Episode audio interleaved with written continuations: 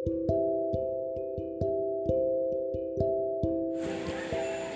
kalian yang bilang, Kak, aku tidak bisa masuk ke sekolah favorit karena tinggi badan aku yang tidak memenuhi syarat. Kak, aku tidak bisa masuk ke sekolah favorit karena jarak rumah aku yang terlalu jauh dari sekolah.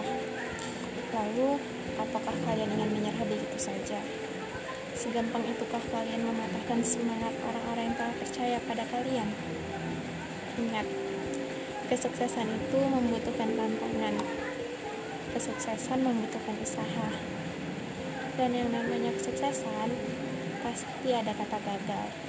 Semakin banyak kalian gagal, semakin besar peluang kalian untuk menjadi sukses. Percayalah, ketika kalian punya niat, usaha, serta doa, insya Allah semuanya akan berjalan dengan lancar. Good luck, pejuang sekolah favorit.